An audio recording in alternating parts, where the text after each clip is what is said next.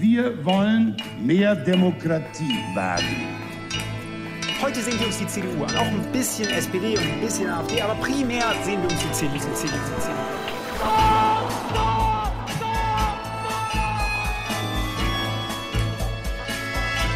Niemand hat die Absicht, eine Mauer zu errichten. Ich weiß, ich habe heute Morgen in den Spiegel geguckt und dachte, wer ist denn die hotte Bitch? Werden schon in wenigen Jahren blühende Landschaften, blühende Landschaften geworden sein. Früher waren wir Lametta. Wir haben so vieles geschafft, wir schaffen das. Herzlich willkommen til Tyskerne, episode 86. I studio Ingrid Brekke og Kai Schwind, hallo. I dag skal vi snakke om kunst og mat. Det er jo aspargessesong. I ordspalten blir det enda mer mat. Det kommer vi tilbake til på slutten, men først altså litt kunst. Det vil si egentlig kunst og politikk, for temaet det er nemlig Josef Beuys. Kanskje Tysklands mest kjente kunstner i nyere tid, og nå i mai ville han ha fylt 100 år om han hadde levd. Det markeres eh, på mange slags eh, måter, og vi skal si litt om eh, hvordan oppmerksomheten rundt han er nå. Men først kan vel du gi oss en liten intro, Kai? Ja, det gjør jeg gjerne. Jeg er litt fascinert av Josef Beuys. Det har vært en stund. Han regnes jo som en av de mest innflytelsesrike billedkunstnere av vår tid. Født i Krefeld i Vest-Tyskland i 1921, og døde i 1986 i Düsseldorf. Har han også studert ved Kunstakademiet i begynnelsen av 50-tallet, og ble etter hvert professor ved samme høyskolen. Han er kanskje mest kjent for to ting. Det, er, det ene er vel for performancekunsten sin, altså en slags uh, aksjonskunst i form av det man kaller for happenings. På den ene siden, altså som ofte var sånne improviserte aksjoner hvor publikummet som var til stede skulle inkluderes. Og den andre formen var fluksus, en mer abstrakt performance hvor kunsten er selveste ideen, uh, og hvor kunst og livet flyter inni hverandre. Nå er vi svevende, ikke sant? Og det andre han er mest kjent for, er da altså uh, installasjonene og skulpturene hans.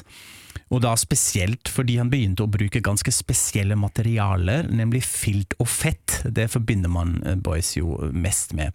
Gjennom årene skapte han flere såkalte fettekken, fint å si på tysk, sånne fetthjørner, hvor han eh, klasket smør eller andre typer fett i ulike hjørner i, ulike rom.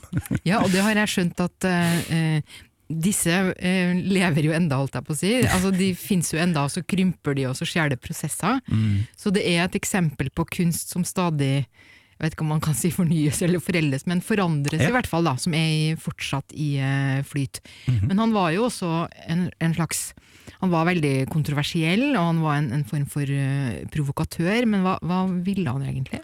Ja, eh, det er det store spørsmålet, men det som er litt fint med Boyce, er jo at han også var en kunstteoretiker.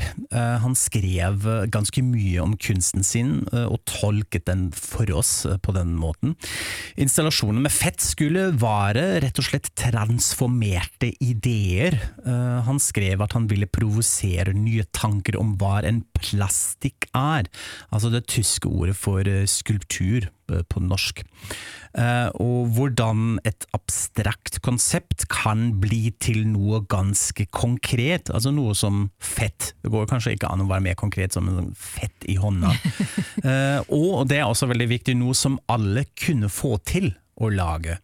Han ville jo også sette spørsmålstegn ved en litt sånn elitistisk og ekskluderende forståelse av hva en kunstner er. Han kom med et veldig kjent utsagn, han sa 'jeder Mensch ist ein Künstler'. Altså, alle mennesker er kunstnere. Det er jo også ganske fascinerende, fordi når man ser han, hvordan han selv fremtrer, så er det jo ikke akkurat som én blant mange. Han, han, alle kjenner han jo igjen som mannen med hatten, han hadde alltid en sånn spesiell hatt på seg. Og han hadde også ofte sånne feiende, lange frakker. Jeg vet ikke om det var skinnfrakker Ja. eller hva det var, men, men han var jo en Han selv iscenesatte seg jo voldsomt, og, og, og var alltid en liksom som man så i et rom som den første, Ja. og sånn. Absolutt, og det er jo egentlig også litt ironisk med, med mange av de modernistiske kunststrømningene og kunstnertyper som egentlig var imot dette elitistiske og skulle si jo alle kan skape kunst, Marcel Duchamp tar et pissoir og henger det i en galleri og nå er det kunst og sånt, men samtidig ble jo nettopp det et slags sånn image og brand, og da ble dette jo også plutselig ganske elitistisk og sånn inner circle stuff, så dette, dette er selvfølgelig i den forlengelsen, men han tok det enda lengre, den tanken at alle er en kunstner, ved å betrakte hele samfunnet som kunst. Kunst består ikke bare av fysisk materiale, litt sånn fett og filt og det, kunst består også av menneskenes kreative handlinger, var det han sa. Hvert individ skaper samfunnet, og det kalte han for de sosiale plastikk, altså den sosiale skulpturen. Men da havner man jo fort i politikken, eller? Absolutt, da blir dette ganske politisk og provoserende for mange. Eh, Så han var ikke bare en sånn svevende kunstnerskikkelse, eh, men ble da også ganske konkret. For eksempel grunnla han også det tyske studentpartiet i 1967. Det visste jeg ikke, det fant jeg ut nå. Og Organisasjonen for direkte folkeavstemningen i 1971. Og til og med når De grønne partiet begynte å formere seg som politisk parti på begynnelsen av 80-tallet, da var han involvert. Han tegnet eh, en av de første plakatene med en sånn fin, kul hare på, eksempel. Så han var rett og slett også ganske eh, politisk eh, aktiv, og i år, som du sa, hadde han jo fylt 100 år og skal feires, men det er vel også en del debatter rundt hans liv, eller? Ja, altså jeg kan jo si først hvordan jeg ble fascinert av Boys, Ja. fordi eh, jeg så hans eh, kunst på Hamburger Bahnhof i Berlin, hvor de har en ganske stor eh, samling, og noe av det står jo alltid fremme. Da. Og jeg kan la meg begeistre av sånn kunst som jeg oppfatter som litt sånn mystisk, altså at man ikke helt skjønner eh, umiddelbart hva det handler om. Og han har laga mye litt sånn mystiske ting, og han fremstilte seg kanskje selv som en slags sjaman noen ganger Ja. Mm. Men eh, der har de også noen av de tingene som er knytta til en sånn eh, iscenesettelse rundt sin egen eh, krigserfaring. For han deltok jo i krigen, han var ute og fløy, fly, eh, fløy, flyet hans eh, styrta over Krim, Krimhalvøya. Eh, og så har han da fortalt, eh, i hvert fall, eh, jeg vet ikke om han har gjort det helt i intervjuet eller bare i kunsten sin, men han har i hvert fall fortalt hvordan han flyet styrta, og han ble redda av tatarene, altså de som bodde på Krim. Eh, smurt inn i fett og pakka i filt, og frakta på en sånn kjelke, da. Og så sa de til han at du er ikke tysker, du er tatar. Eh, og eh, dette er jo sånn som eh, egentlig ikke er sant. Altså, i, i virkeligheten så ikke var han pilot, som han jo gjerne eh, fremstilte det som, men han, han var i flyet, han styrta, men han havna jo på lasarettet som andre eh, soldater. Og akkurat dette her, det at han brukte sin egen krigserfaring på denne måten, det har fått kritikk blant annet fra en eh, jødisk kunstner som eh, bor i Nederland, og som har skrevet en, eh, eller som har blitt intervjua av Berliner Zeitung. Det intervjuet finnes også på engelsk, så det kan vi lenke til. Det er veldig interessant, for han har tydeligvis brukt mye av sin kunstnerpraksis på å måle seg opp mot boys, og, og lag, lagd nesten sånne motkunstverk, da. Ja. Men han er, han er jødisk, og, og han mener at, at denne mytologiseringa av, av boys eh, ikke har vært bra, at han har gjort seg selv til offer og ignorert på en måte masse viktige aspekter av krigen. Da. Og det er jo interessant å diskutere, men samtidig så tenker jeg at eh, det at han tilhørte den generasjonen som faktisk deltok i krigen, gjorde jo at det at han overhodet snakka om krigen, det var jo egentlig nytt, og uh, står i motsetning til veldig mange andre av hans generasjon som ikke snakka om det i det hele tatt. Så det er litt sånn grense for hvor langt man skal trekke kritikken. Hva, hva, hva kunne man forvente Ja. ut fra den konteksten? Sånn sett. Det er Ja. interessant, men det var jo også det at han var jo allerede omstridt da han var professor på Kunstakademiet i Düsseldorf. Litt basert på det, denne selviscenesettelsen hans, Mm. som prøvde å sveve litt over diskursen, liksom over samfunnet, mens man da allerede begynte å diskutere nettopp også del av biografien hans, og lurte på hva, hvem, hvem er du egentlig? Eh, Jeg har lest en del sånne tekster fra den tiden som har, det er litt interessant hvordan dette ikke klares å formuleres som vi gjør det i dag, men hvordan, ligger, hvordan dette ligger mellom linjene. Ja. Eh, og så har jeg sett litt på slags, uh, hvordan de forskjellige utstillingene er, for det er massevis av utstillinger nå som markerer denne 100-årsdagen, og vi får nå se hvor mange av de som blir fysisk tilgjengelige, men det finnes også ting på nettet. Men uansett så er det jo da store kunstinstitusjoner som har veldig forskjellige perspektiver, og det syns jeg også var eh, interessant. Altså, en, eh, en utstilling den foregår på Statsgalleri Stuttgart, og der innreda faktisk Boyce selv et rom i 1984, altså ikke lenge før han døde. Og det rommet har bare stått sånn siden da, eh, med hans kunst. Og så er den utstillinga eh, som er nå, i anledning eh, denne 100-årsdagen, da eh, handler resten av utstillinga om hvordan han gikk frem da han skulle lage dette rommet, og om han som kurator og litt sånn kunstteoretiker. Så det er på en måte ett perspektiv eh, som man kan se der. Og så eh, har eh, eh, I Olm så har museet en, en eh, litt sånn, hva skal man si, corny inngang, eh, hvor de ser på hans forbindelser til det de kaller den, ty det tyske Syden. Ja. Og da var det altså sånn at Boys mange somre eh, var med på noen sånn åndelig politiske diskusjoner, som det heter. Eh, med litt antroposofa og litt sånn ymse intellektuelle, langt der nede da i, i eh, Baden-Würtemberg. Og her jobba han med nettopp det du snakka om, denne sosiale eh, skulpturtanken. da. Men jeg, jeg beit meg litt merke i det, fordi her er dette ordentlig tematisert, og man går litt sånn grundig til verks og ser på gamle bilder og, og notater og alt det der. Men Der Spiegel hadde også en artikkel nå eh, som de, hvor de stilte spørsmål om Josef Beuys var den første queer-denker, altså disse Ja. gærne anti-korona-folka, ikke sant? Eh, fordi at han har dette i seg, denne blandinga av veldig sånn alternativ tenkning, litt sånn undring over tilhørighet til ytre høyre, flørting med det, og dette grønne miljøgreieren. Og, og i tysk hva skal man si, politikkultur sånn, så finnes det noen krysningspunkter ja. mellom disse fløyene som er veldig vanskelig å snakke om, nesten, syns jeg, fordi man altfor fort stempler folk som ikke fortjener det og sånn. Men det ligger noe der, da. Ja, det, det er utrolig fascinerende når, når du sier det sånn, fordi dette er jo også et, et slags oppgjør som den politiske venstresiden jobber litt med, og har kanskje gjort litt for lite med. At man nettopp har sånne Ofte er det jo sånne skikkelser det enkeltstående mennesket som har liksom tatt en sånn merkelig reise fra helt venstreekstremister eh, til høyresiden. Altså Haast Mahler er jo også en sånn eh, person, ikke kunstner, men som, som representerer dette, at de grensene kan være litt flytende, og at man egentlig må liksom sortere disse disse karakterene litt bedre, og det er det som skjer. Og det er litt interessant at uh, Josef eh, også nå sorteres litt på det Ja, området. ja, ja. Og så må man virkelig ikke overdrive det, men man kan se på det som ett sånn aspekt. Da.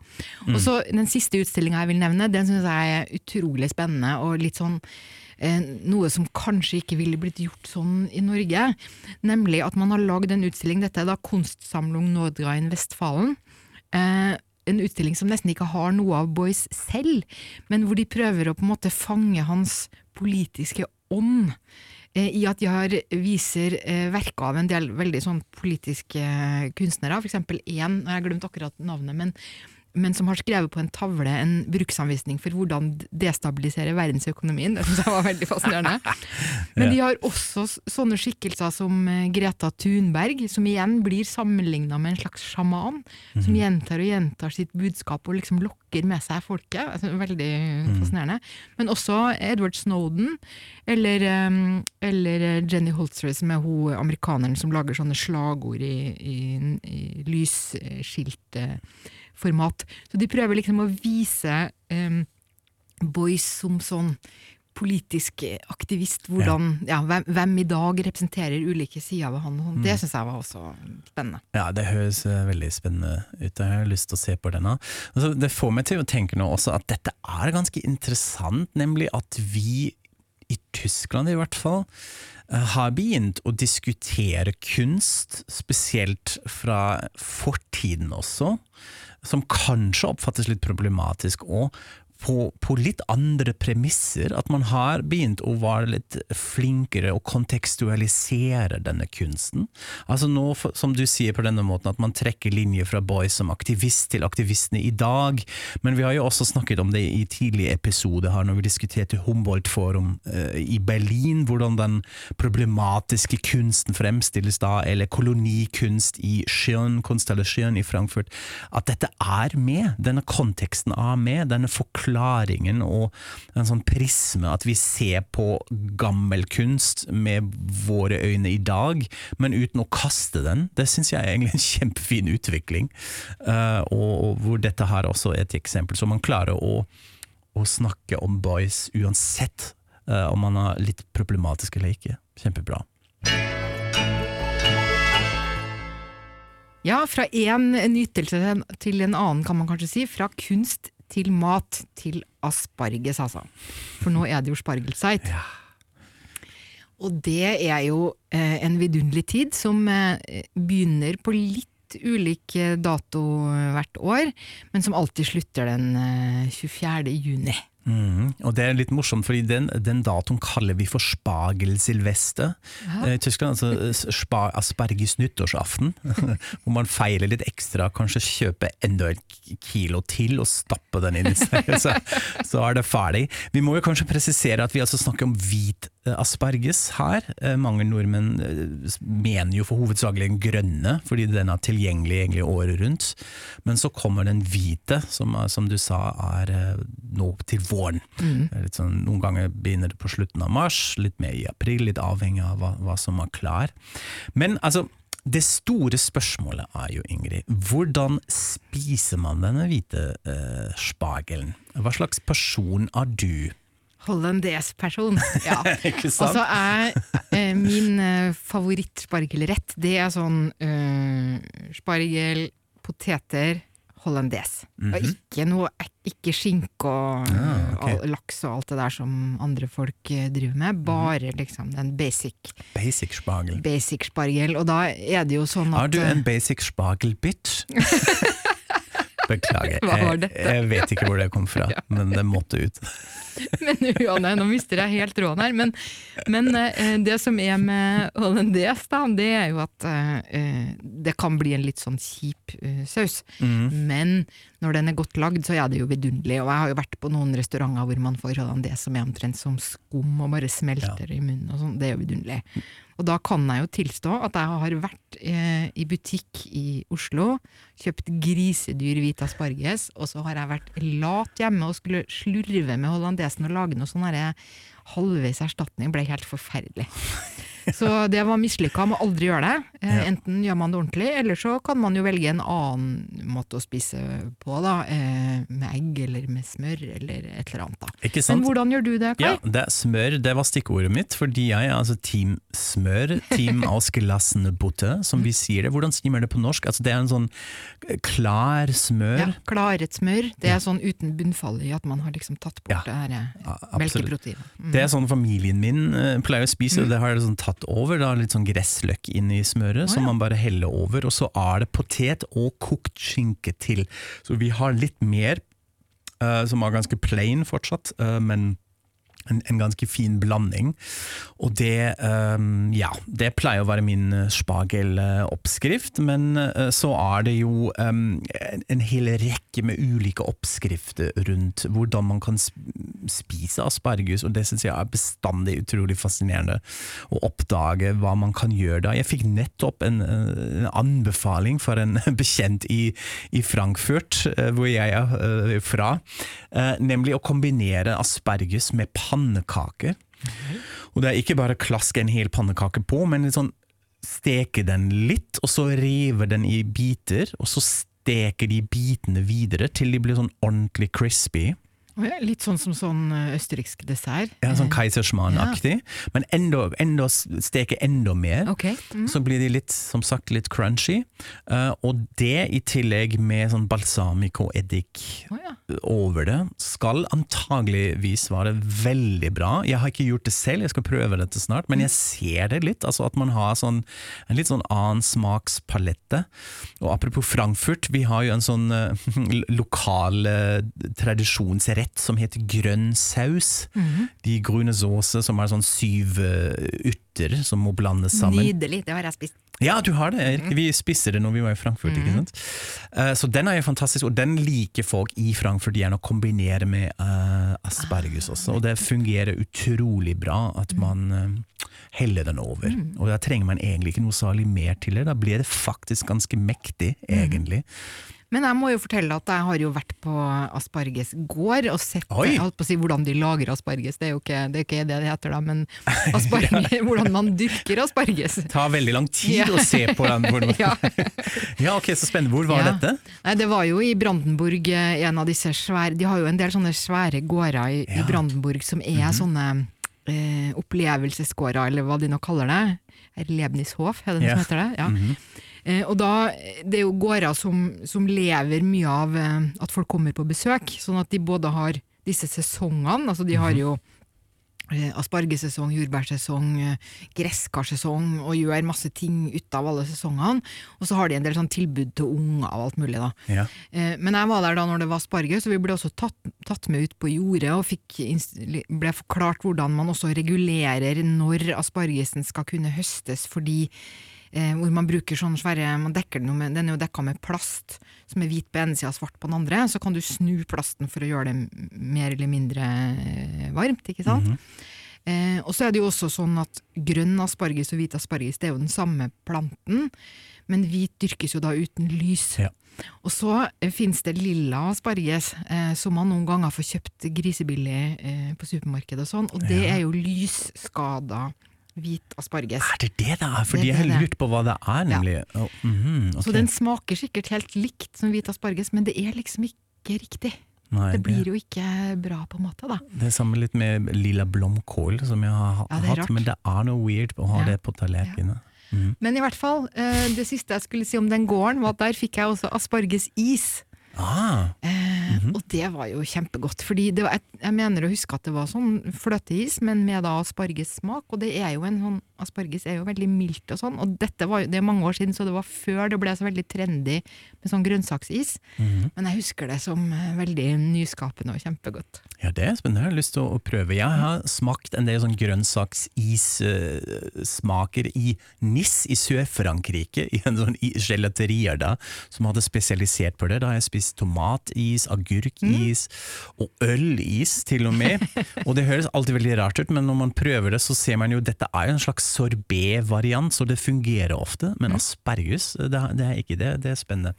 Ja, altså det er jo det, det er ganske interessant. Du, du var jo litt inn på at det er så grisedyrt, sa du, eh, i Norge å kjøpe. Og det har jeg også opplevd, dessverre, at det koster veldig mye. Og det er jo fordi den må reise langt. 500 kroner kiloen tror jeg jeg betalte kanskje. Ikke si det, jeg, har glemt det. Jeg har faktisk ikke sett på terminalen og kvitteringen, fordi det, det er veldig mye. Og det, er jo fordi den reiser langt. Man får tak i asperges fra ulike deler i verden, også i Tyskland, og man skal jo helst ikke gjøre dette, fordi det er dårlig CO2-fotavtrykk her. Pluss at det er veldig dyrt, men heldigvis får vi jo eh, asperges fra mm, hele Tyskland, og da fant jeg en sånn oversikt, det syns jeg var litt artig, eh, hvilke regioner eller delstater eh, produserer mest asperges i Tyskland, og da er Nidesaksen på førsteplass. Ja vel. Det syns jeg også var litt Ja, det overraskende. var litt overraskende. Jeg trodde det skulle være litt lengre sør, men det er altså de som uh, lager mest, produserer mest. Så er det Bayern på andreplass, uh, og så er det mange andre. Hessen er litt i midten, uh, men litt spennende. eh, hvem ligger på sisteplass? Zaland. Ja, men det er, jo, det er jo så liten, så det er det jo er ikke det. så rart, kanskje. Jeg trodde at det var egentlig litt rart, fordi de er jo litt lengre sør, men det er kanskje andre kriterier. Som, Ja, altså, Brandenburg er jo Den må jo ligge ganske høyt Ja, på lista, høyt tror jeg. Fordi Mm. at de, Fjerdeplass. og da har jeg lært at det skyldes jorda, at de har sandjord. At det betyr veldig mye, da. Det er kanskje ikke så mye av det i Saarland, jeg vet ikke. Nei, det, det må, må ikke være det. Så ja, ja, nå ble jeg faktisk litt sulten her, men vi gjør noe annet først. Auf, hinter, in, neben, über, runter, vor. For vi må jo ha ordspalte. Men eh, du har jo blitt så inspirert av denne aspargesen, eh, Kai, at det blir mat hele veien til slutten her. Nå, og du har da med deg noen matord. Ja, det har jeg, og vi har gjort dette litt før, eller en variant av dette her, nemlig at det er ganske artig å se på tvers av Tyskland hva samme maten eller uh, ingrediensen heter, men kan ha så ulike uttrykk og forskjellige navn på tvers av regionene, og det har jeg sånn funnet fram litt flere ting her, eksempel plomme på tysk. Hvordan hadde du sagt det? Flaume. Riktig. Det er altså flaume på nord- og høytysk også, da, da bruker man dette. Men når vi går litt lenger sør, da er det ikke en flaume lenger, da er det en svetske.